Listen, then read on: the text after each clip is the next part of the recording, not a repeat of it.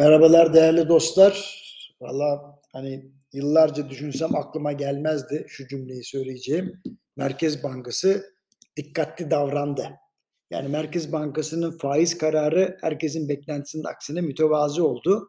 Peki ne mesaj verdi Merkez Bankası? Her şeyden önce bana herhangi bir kararı empoze etmeyin ben bildiğimi yaparım dedi. Uluslararası kurumlar gibi biz de henüz ne bildiğini tam anlayamadık ama sabırla bekliyoruz anlamayı. İkinci mesajı döviz kurlarını bu aşamada zıplatacak bir hareket yapmam oldu. Sanırım öyle oldu. Hepimizi depremden sonra e, biliyorsunuz rezervlerde e, tekrar bir e, azalmanın olması tedirgin etti. E, 7 milyar dolar civarında bir satış olmuş rezervlerden dövizi tutabilmek için. Şimdi Merkez Bankası yönetimi büyük ihtimalle 14 Mayıs'ta ya da en geç 18 Haziran'da olacak seçime kadar e, döviz kurlarını kontrol etmenin zorluğunu anladı. Yani e, açıkçası. Yani e, taşıma suyla değirmen dönmez. Şimdi bundan sonra ne olur? İşte bazı uzmanlar diyor ki Merkez Bankası işte yaptı yapacağını bundan sonra faiz indirmez diyor. Ben aynı fikirde değilim.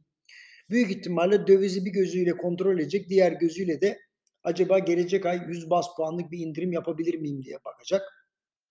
Bu indirimler 2013 yılının Mayıs ayındaki %6,5'luk politika faizi seviyesine kadar devam edebilir. Yani 2013'te bundan 10 yıl evvel her şey bozulmadan politika faizi 6,5'a inmişti. Şimdi bir bakalım nasıl olacak bu. Seçim 14 Mayıs'ta olursa bu hedefe ulaşmak için Merkez Bankası'nın iki defa faiz hakkı olacak. Dolayısıyla iki tane 100 bas puanlık indirim yapabilir. 18 Haziran'da olursa seçim bu hedefe 3 adımda ulaşabilir. Ulaşabilir pardon. ya tabii şunu da sorabilirsiniz kardeşim faiz indiriminin kime ne faydası var diye.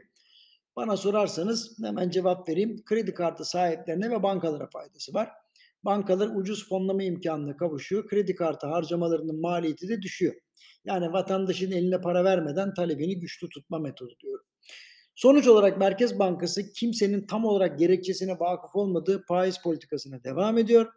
Ancak bu seferki indirimin deprem gibi bazı haklı gerekçeleri de vardı. Yani bunu da söylemesem ayıp olur. Yarın görüşmek üzere efendim.